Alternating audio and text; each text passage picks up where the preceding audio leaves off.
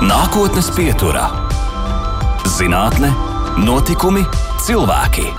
Labvakar, nākotnes pieturā un Latvijas Rādio 2 studijā atgriezīsies Baiva.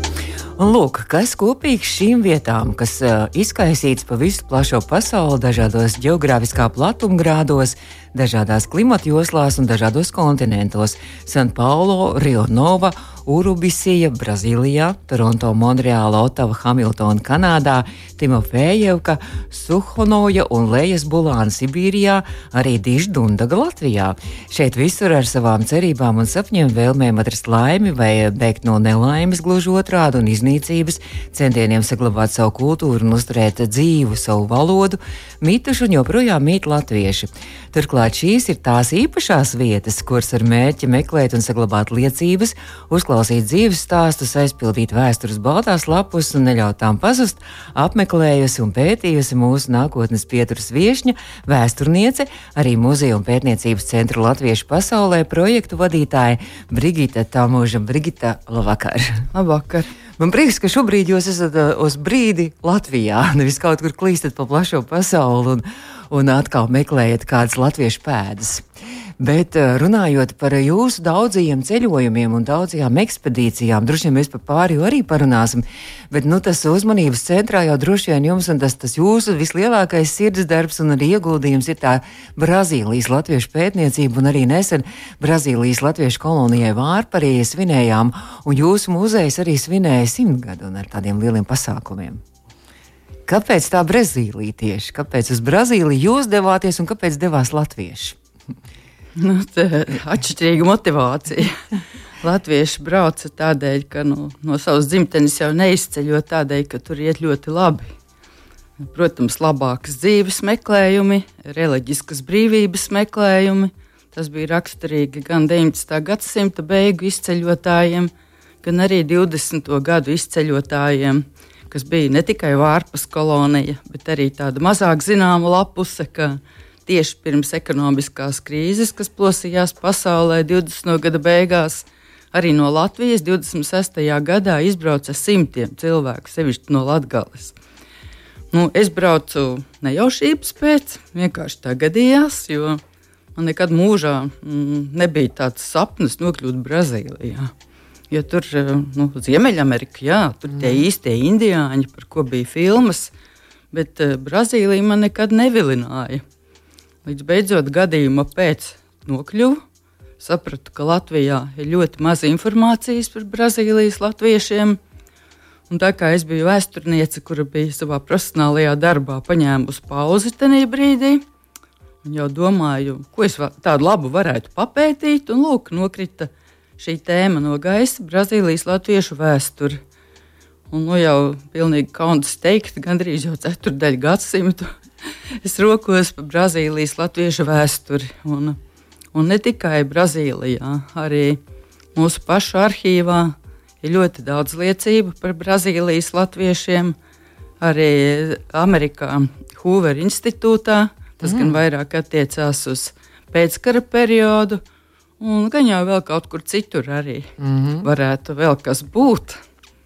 Bet nu, pirmie, tas pirmais vilnis bija vēl 19. gadsimtā, un es arī palasīju arī tos jūsu rakstus un pētījumus. Tur bija arī mācītāji, ja, kas aicināja uz, uz, uz Lutāņu mācītāju, laikam, sākumā, ja, kas nu. aicināja uz Brazīliju kā uz tādu nu. laimes un saules zemi. Un... Patiesībā pirmie, kurus to Brazīliju aicināja, Tas bija Kārlis Balodis un Pēters Zālīte. Viņiem bija 25 gadi, kad viņi pirmo reizi aizbrauca uz Brazīliju. Jā, paši jau viņi tur bija. Jā, un, un viņiem likās, ka tā ir lielo iespēju zeme.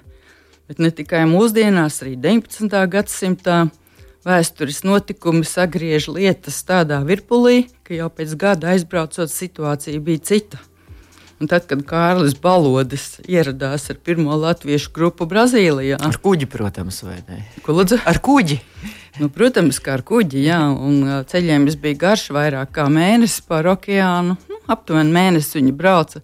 Tad jau Brazīlijā bija notikusi revolūcija, tur bija nodibinājusies republika un bija mainījušies dzīves apstākļi.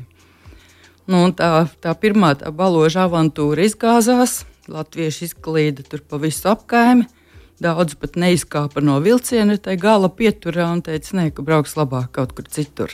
Mm. Daļa palika lielpilsētās, daļa atgriezās atpakaļ Latvijā. Nu, Balodis centās glābt pasauli, viņš bija ideālists, 25 gadi, nu, tas piestāv tam vecumam. Viņš sāka palīdzēt citu tautību kolonistiem, kuri bija nonākuši e, nepatīkamā atkarībā no Brazīlijas imigrācijas iestādēm. Nu, dabīgi, ka iestādēm tas nepatika, un beigās balodis dabūja ņemt kājas pār pleciem. Oh. Tā ir tāda mazāk zināma mm -hmm. epizode, jo visās eh, encyklopēdijās rakstīts, ka balodas ar zālīti tur būtu dzīvojuši gadiem. Nē, mm -hmm. viņi bija studenti, viņiem nemaz nebija naudas tik. Tā ir tāda avantūrista arī varētu nu, teikt. Jā, bet viņi jau gribēja pētījumu veikt ja, par mm -hmm. imigrācijas apstākļiem San Paulo štatā un arī citur Brazīlijā. Un, un tā kā Deglava Rīgā, romānā Rīga jau ir aprakstīts, ka, nu, nu, kur tad var pamukt no tās cera patvaldības? Nu, tā labi tālu, un tur jau bija plāns pat pirkt salu Brazīlijā, kur varētu visa Latvija izvietoties. Bet, nu, tas jau ir, ka tie teorētiķi ļoti reti skatās praktiskās lietas. Bet īstenībā tas nav tagad, ka, piemēram, kaut kāds emigrācijas vilnis, ka mums brauc projām un meklē darbu un, un naudu pelnīt, ka tas jau ir sācies jau no 19. gadsimta un tā joprojām turpinās. Tie bija pamatā zemnieki, kas mm -hmm. brauc uz turieni cerībā tiešām strādāt zemi. Un tad no tiem, tiem pirmiem tur bija gan baptisti, gan luterāņi. Tad palika tikai viens baptists. Viņš saprata, ka te, nu, ceras, kā Krievija baptistus nemīlēja. Viņus vajāja. Mm -hmm bija publiski miesas sodi.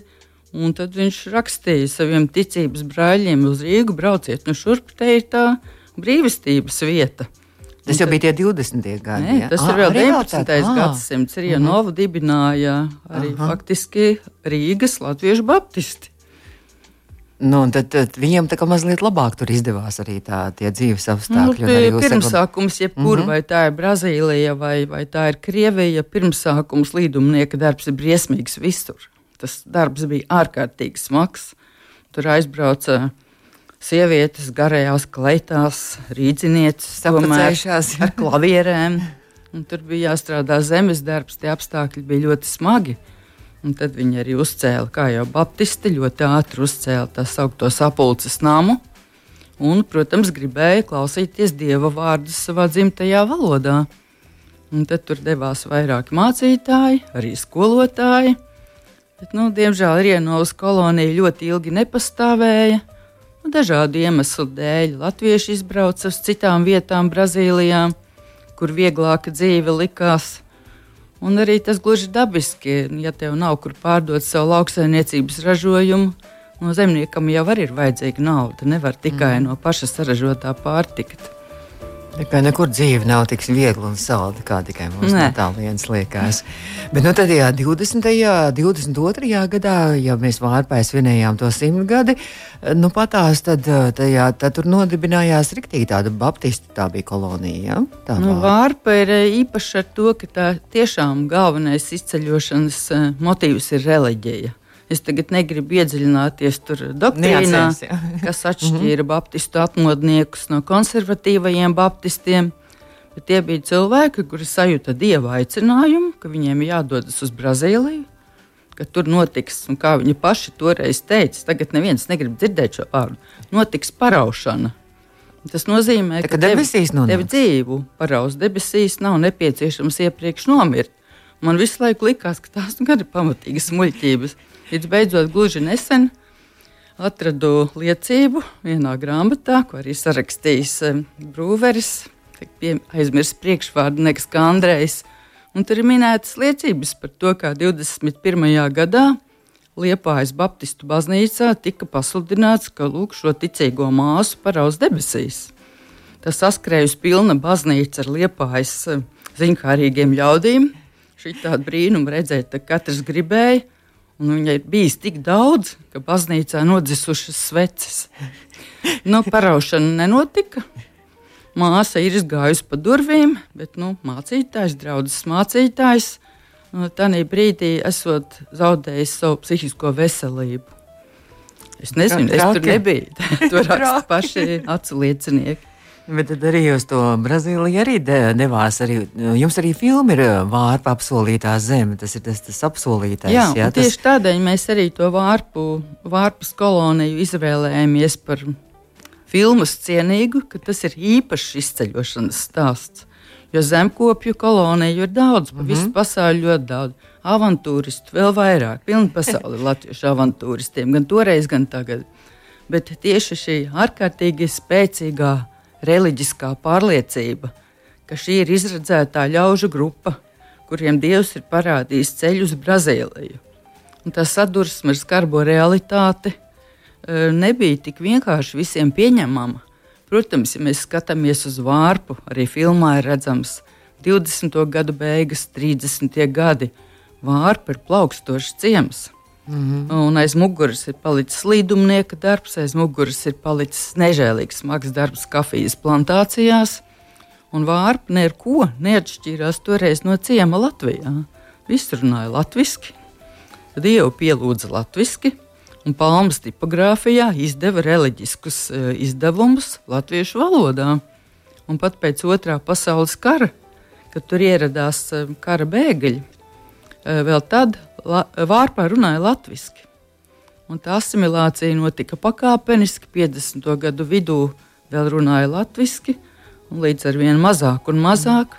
Un tagad tā vienīgā reize, kad tiešām baznīcā skan latviešu valoda, ir tad, kad ir Baptistu, Brazīlijas Latviešu Baptistu kongresi, kad vienmēr programmā ir iekļauta kāda dziesma latviešu valodā. Un, protams, ir bezgalīga nostalģija, un arī mazliet skumja saka, kāpēc vecāki ar mani nerunāja latviešu. Mm. Bet, nu, runājot arī um, par Brazīlijas latviešiem, tad tur arī neskaitāmi nosaukumi, dažādi laikraksti iznāca, žurnāli, viņiem arī savu tipogrāfiju, kā, kā jūs jā, teicāt. Jā, jā, bija, Palmā, viņi... Palma bija tāda kopība, kur apvienojās um, ne ģimenes cilvēki, vai arī ģimenes, kam trūka apgādnieki. Apmēram 300 cilvēki e, nolēma saimniekot kopīgi uzcēla ēkas, ierīkoja tur savas fabrikas, nu, fabrikas tāds skaļš vārds, drīzāk pārstrādes cehi, baznīcu uzcēla, virtule bija kopīga. Nu, jā, tā viņi tur dzīvoja kopīgi, un arī, kā, arī Palmas galvenais mērķis bija saglabāt šo reliģisko deksmi. Un tādēļ tika nodibināta tipogrāfija faktiski jau agrāk, jau 20. gada vidū, kafijas plantāciju laikā uzņēmīgi jaunekļi sāka izdot latviešu laikrakstus. Un tā tipogrāfija tā bija lielākā tipogrāfija līdz mūsdienām. Lielākā tipogrāfija, kas izdeva laikrakstus latviešu valodā, Fantastiski. arī krievu valodā, jo latvieši arī tāda mazāk zināma epizode. Līdz 26. gadam no padomju Krievijas varēja izbraukt ar pamatojumu. Un tad Baptisti ļoti daudz piestrādāja, lai dabūtu no padomju Krievijas ārā savējos. Mm. Un tur lieli nopelni latviešu mācītājiem. Viņi brauca uz Eiropu, pavadīja šīs krievu ieceļotāju grupas, e, palīdzēja viņiem saprasties fazendās ar saimniekiem, un daļa no šiem krievu ticības brāļiem ir apmetās vārpā un vārpas tuvumā. Un tad viņiem izdeva laikrakstu krievu valodā, un tā kā Latvijā jau pirms Pirmā pasaules kara katrs normāls, kaut cik izglītots cilvēks runāja trīs valodās, ieskaitot vācu un krievu, tad viņi arī varēja krievu valodā sludināt. Mm.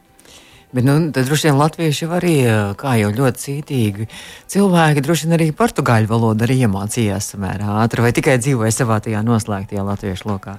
Nu, tur bija gan, gan. Sākumā bija tā doma, kā jau es minēju, par paraušanu. Mm -hmm. Ja tev tūlīt parādās, nav nu, jēgas portugāļu valodu. Ja? Bet, nu, tad arī mm. pašiem sludinātājiem ierindas ticīgie jautāja, kādēļ mēs esam šeit, paraušana nav notikusi. Un tad tika mainīts šis pamatojums, kādēļ mēs esam šeit, ka Dievs mūs šeit ir atsūtījis, kā viņi teica, misionas darbam. Tas ir sludināt Dieva vārdu iedzimto vidū. Un to viņi arī darīja. Dabīgi, ka misijas braucienos pirmie devās jaunieši, kuri ātrāk apguva valodu, un otrkārt tā bija romantika. Mm -hmm. Un arī pēc smagās darba nedēļas iziet kājām, sapucēties svētdienas drēbēs, to jau redzēt fotografijās. Cik viņiem tas bija jautri iet šajos misijas gājienos. Tad viņi tur padziedāja brazīliešiem kopā dziesmas, pamācīja brazīliešu sievām, kā pūdu labāk izslaucīt. Nu, tur bija tā apusēji jautri. Un arī mācīja lasīt un rakstīt, kas nav maz svarīgi. Mm. Arī mhm. sniedza medicīnisko palīdzību, jo tie bija tā sauktie sērtonas, jeb savannas ļaudis, kuri dzīvoja ļoti, ļoti pieticīgos apstākļos. Nu tā, jūs par to romantiku teicāt arī, ka mēs klausāmies par šiem jūsu ekspedīcijām un ceļojumiem. Izklausās ļoti romantiski, bet es saprotu, ka jūs arī ļoti eh, kā, smagu un skrupulozu darbu esat veikusi kopā ar saviem kolēģiem, ka jūs arī ļoti daudz šos materiālus, lai saglabātu arī daudz, vedāt uz Latviju laikam un pārskatījāt visādas lietas un materiālus un laikrakstus un vispārējo, lai, lai tas, tas saglabātos vēsturē. Jā, no pirmās reizes, kad es braucu, protams, nebija vēl tāda muzeja. Es domāju, nu, kā es varu no cilvēkiem kaut ko ņemt, nu, kur es to likšu. Mm -hmm. Bet pēdējās uh, ekspedīcijas, kur jau es iepazinos ar kolēģi Marijānu Auliciemu, mēs braucām apzināti ar mērķi saglabāt un savākt uh, materiālu, kas atspoguļo Brazīlijas latviešu vēsturi.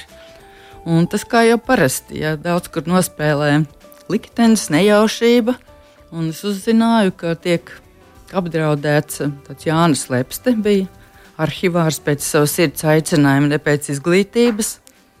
Viņš bija vācis visu, visu, visu. Grāmatas, rokrakstus, bildes. Tas viss glabājās tikai viņam viens zināmā kārtībā. Es ar viņu arī tikos vienreiz, un pēc tam mēs vairākus gadus sarakstījāmies. Un tad viņš nomira, un tad sievai mainījās dzīves apstākļi. Viņa gribēja māju pārdot. Līdz ar to ir skaidrs, ka tas arhīvs Viņa man arī teica, metīšu ārā, brauc ātri. Un tad mēs ātri, ātri rakstījām projektu Kultūra Kapitāla fondam. Ļoti žēlabainu, ka tūlīt arhīvs ies bojā. Par laimi fonds mūs sadzirdēja, mēs saņēmām finansējumu.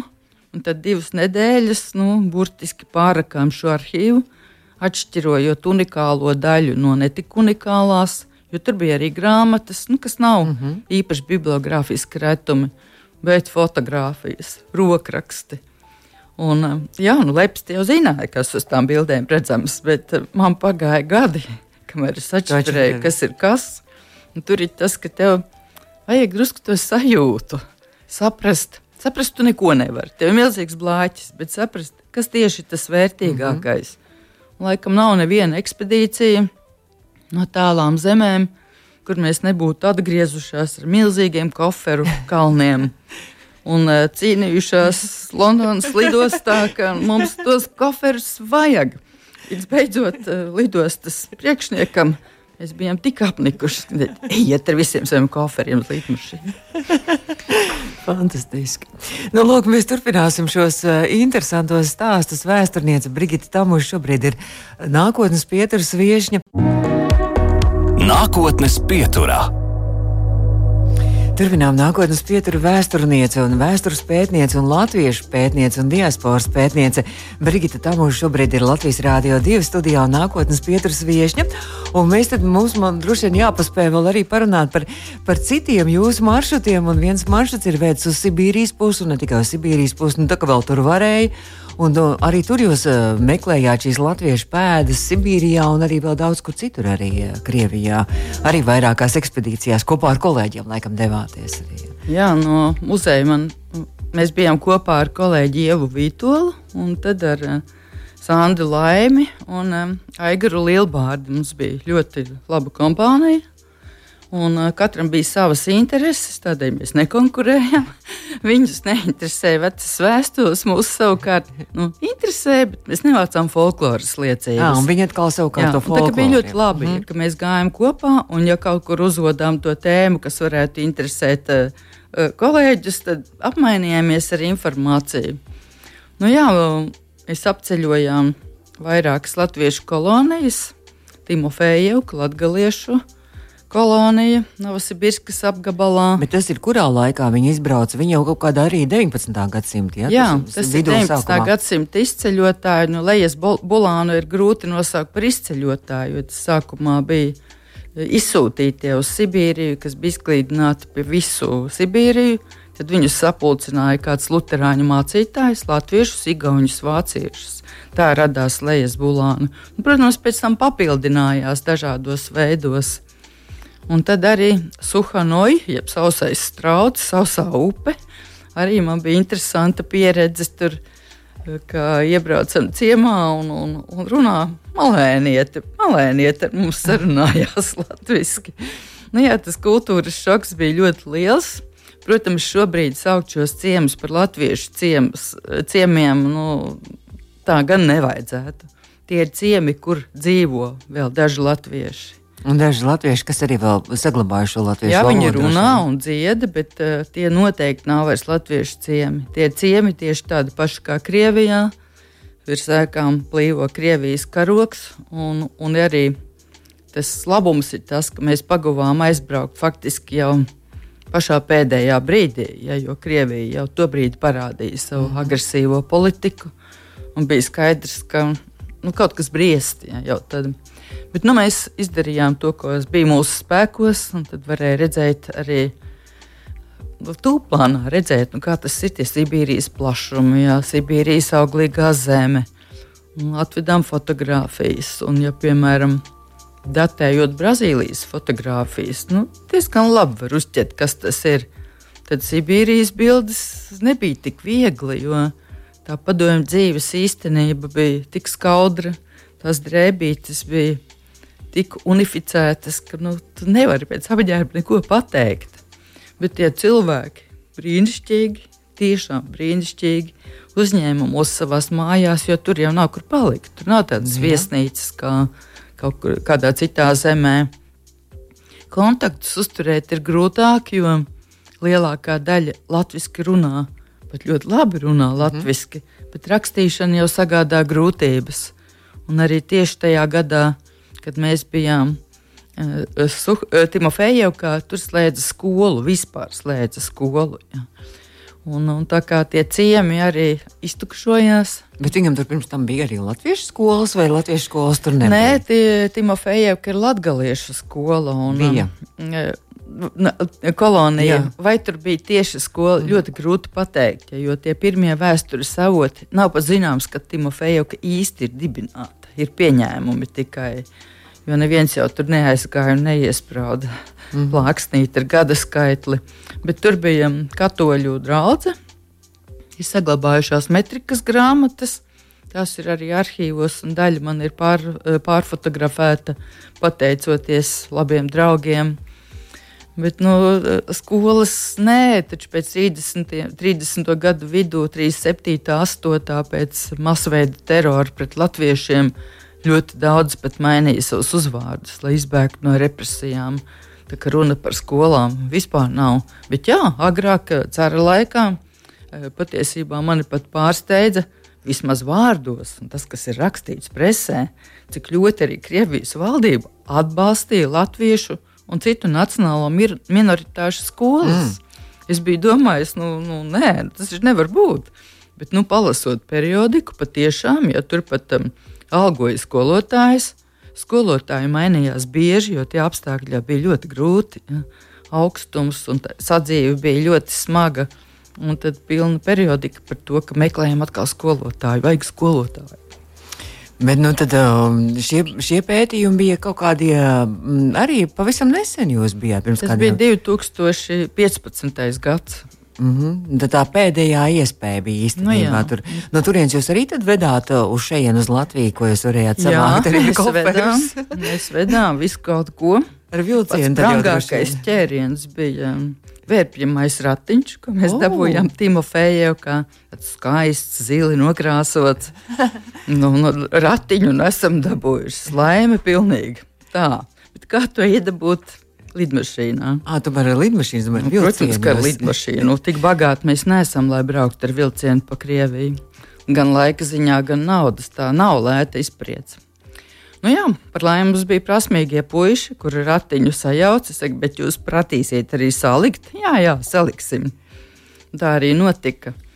Un tad vedām dažādus sadzīves priekšmetus, eh, vedām dziesmu grāmatas, fotografijas, bet patiesībā ļoti maz, jo tie dzīves apstākļi ir ļoti šauri. Eh, daudz kas ir gājis bojā, nav saglabāts arī. Tur bija vairāk iespaidi. un fotografijas, ko mēs paši uzņēmām, dokumentējot, kā viņi tur dzīvo tajā brīdī. Bet uh, kur to šobrīd var apskatīt? Tad uh, Latviešu pasaulē, muzejā, Lapa muzejā, var, vai kurā vietā tas viss Nu, šobrīd? tad, kad valdība mums uzcels lielu skaistu muzeju, to visu noteikti varēs Jums- apskatīt. Jums viss ir kaut kur krājumos, Pašlaik jā, tas mums ir noslēpts krājumos, jā, tiek izmantots dažādās izstādēs. Jo ir jau tā, ka no cilvēks, kas ir dāvinājis savu priekšmetu un bildi, jau grib kaut kur to redzēt. Nu. Vai, man, vai manu tautas tērpu varēs vienmēr redzēt jūsu ekspozīcijā? Un, ja tu atbildi godīgi, nē, nevarēs. Tad nedod. Tad dāvināšu citam muzejam. Bet tas nekas, ka tas arī to neizstādīja. nu, jā, tas ir, un, protams, un tā iespēja, kā mēs varam parādīt ekspedīcijā vākto. Viens ir izstādes, otrs ir publikācijas.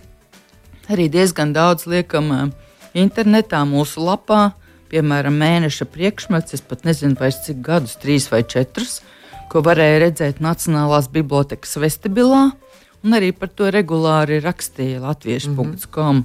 Un tad cilvēks var redzēt, ka tā viņa mantiņa ir apčubināta, samīļota, izpētīta, uzbucēta. Un uh, nav vēl te uzticējis jums. Nu, jā, es ceru, tā. Es ļoti ceru. Mēs vēl par jūsu ceļojumiem, pētījumiem, ekspedīcijām vēl runāsim, vēl noslēdzošajā daļā. Brigita Tamuža vēsturniece šobrīd nākotnes pieturā ir. Nākotnes pieturā - zinātne, notikumi, cilvēki. Arī, protams, pētniecība, un es gribētu pie- piebilst arī emocijas. Vēsturniece Brigita Tamuža šobrīd ir mūsu studijā. Un jā, Brigita arī faktiski ir ne jau tā plikā vēsture, tik daudz tās emocijas. Un, piemēram, jūs, kad arī šo latviešu koferis, arī, laikam, Rīga 2014, kad bija Eiropas galvaspilsēta, arī jūs veidojāt šo projektu, kur jūs, nu, jūs paši varat pat izstāstīt, kas tur bija tajā latviešu koferī. Latviešu koper, koferis faktiski bija mūsu pirmā lielākā iespēja parādīt, ar ko mēs nodarbojamies un ko esam savākuši. Tas, ka es šo izstādi veidoju, tas būtu pārspīlēti. Es piedalījos mm -hmm. veidošanā, nu, pamatā palīdzot aprakstīt Brazīlijā savākto materiālu. Bet man tikai- ļoti žēl, ka tik īsu brīdi bija apskatāma šī izstāde, un, un ne tikai mūsu izstāde, arī visas pārējās, kas tur bija izvietotas. Vienmēr ejot garām tajā ēkai, kur stāvēja tukša, likās, kāpēc es nevarēju ilgāk ļaut to apskatīt, mm. jo tur bija ielikts tik daudz darba. Ne jau tikai mūsu muzejā. Un tur bija arī brīnišķīga ideja. Tā ideja bija tāda, ka, uh, ka šīs lietas, un katrai lietai kaut kāds stāsts, vai tur piemēram lelle vai kaut kas, kas, ko latvieši ir um, devušies bēgļu gaitās un likuši savā koferī. Nu, tā simboliski, ko viņi ņēmuši līdzi kaut kādas savas mīļlietas vai kādas būtiskās, un tās nebija jau nu, tur briljanta gredzeni un, un tā tālāk, bet, bet tiešām kaut kas, kaut kas tas ļoti aizkustinoši arī tās lietas. Ja. Pat ja kādam bija briljanta gradzena, gan jau aizgāja apmaiņā pret maizi.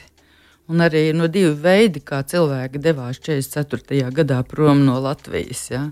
Viena bija organizētā, ko vācu varas iestādes izveda viņiem vajadzīgos speciālistus ar ģimenēm. Viņi brauca ar vilcienu un varēja paņemt diezgan daudz no savas sadzīves līdzi.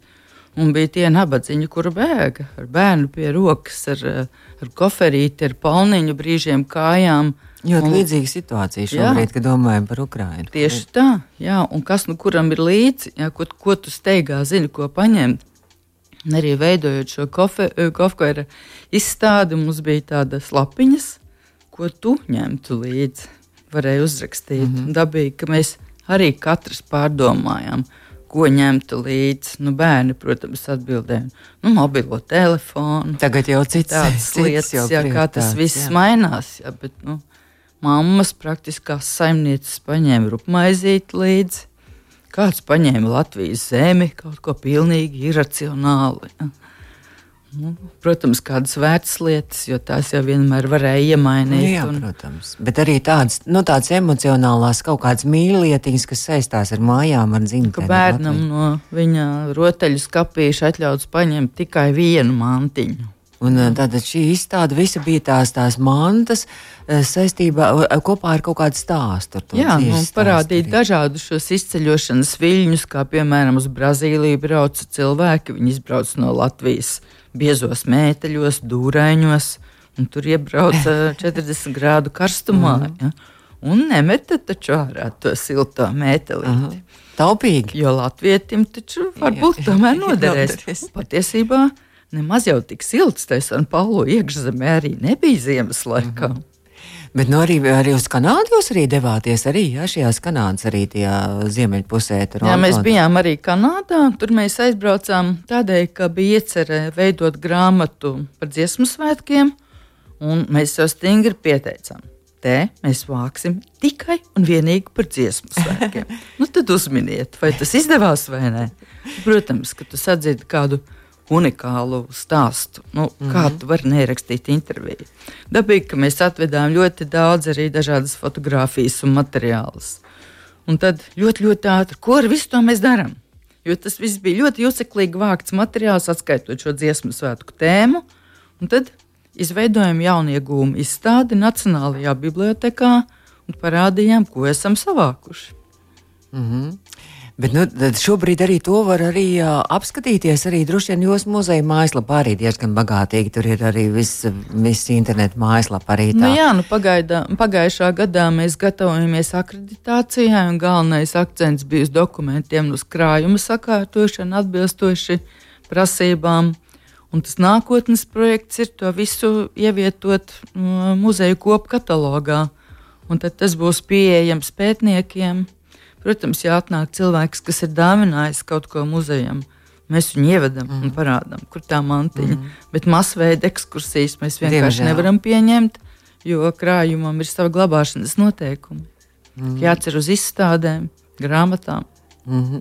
Runājot par uh, kaut kādām nākošām idejām un plāniem, uh, kur ir nu, nākošie maršruti jau ieplānoti. Ko šai dzīvē vispār var ieplānot? Tā ir tā redzamā daļa, šie skaistie ceļojumi, kur tu ieliec uh, mājaslapā, vai cik skaisti mēs tur sēdējām pie galda un dziedājām. Un tad ir tā aizberga neredzamā daļa, kad tu gadiem mēģini sakārtot to, ko tu tur esi sagrābies un atvedis. Mm -hmm. Es arī šurp nākot domāju, kad tad es pēdējo reizi kaut kur biju. Tas bija ah. 18. gada februāris uz uh, Baškīriju kur mana paziņa strādāja par latviešu valodas skolotāju. Un mums radās unikāla iespēja piedalīties Latviešu kultūras dienā Baškīrijā. Es vadīju stundas Krievijas valodā. Tas bija diezgan smags pārbaudījums, jo Krievijas valoda ir um, faktiski jau diezgan aprūsējusi. Nu, protams, arī nu, ko citu es darīju. Pārējā laikā staigāju pa mājām un, un, un mēģināju savākt kādu fotografiju krājumu. Tas laikam ir asinīs droši vien pētniekam, jebkuram kukaiņu pētniekam, kukaiņus, jebkuru vācu. Un, un savukārt uh, katrs pētnieks kaut ko tajā vietā, kur viņš dodas. Es domāju, jā, ka visiem jau piemīt kaut kāds profesionālais idiotisms saucamais. Bet tad pagaidām nav vēl tāda nākamā maršruta kartē, jau ir pastāstīt kādam. Tas nekad nenotiks. Tagad man vēl ir jāsakārto to, kas ir atvests, un, ja dzīve piespēlēs izdevību, tad jā, bet nu, ir jāsaprot arī, ka tie latviešu centri nav mūžīgi. Ja, mm. Latvieši kļūst ar vien mazāk, un arī daudz no cilvēkiem, ko mēs intervējām filmas vajadzībām Brazīlijā un arī citur, ka viņi jau ir citā saulē. Tā ir prieks, ka esam paguvuši. Jā, Tur tā. vienmēr tā pētnieku dilemma, ko darīt.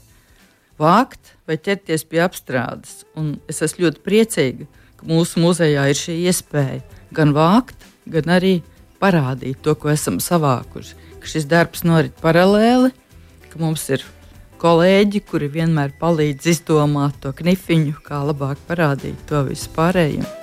Un kolēģi, kur ir ārkārtīgi fanātiski un arī tajā darbā ar, ar tādu milzīgu deksmu. Fanātiski, nē, es domāju, vienkārši labi profesionāli. Bet stundas neskaita. Nu, bet ir aizraujoši tomēr Protams. jūsu darbs. Jo tas nav tāds, tā, nu, kā teiksim, mēs domājam, vēsturnieks, kur tikai pēta un arhīvos un kaut ko nu, meklē. Tā arī ļoti aizraujoša lieta. Es arī sēžu arhīvos, man ļoti patīk, bet nu, nevar būt visur vienlaicīgi.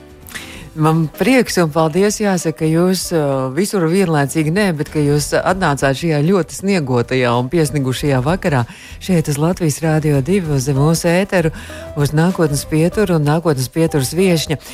Vēsturniece, muzeja un pētniecības centra Latviešu pasaulē, arī projektu vadītāja Brigita Tamuža, arī diasporas pētniece. Saka paldies! Izskan nākotnes pieturā.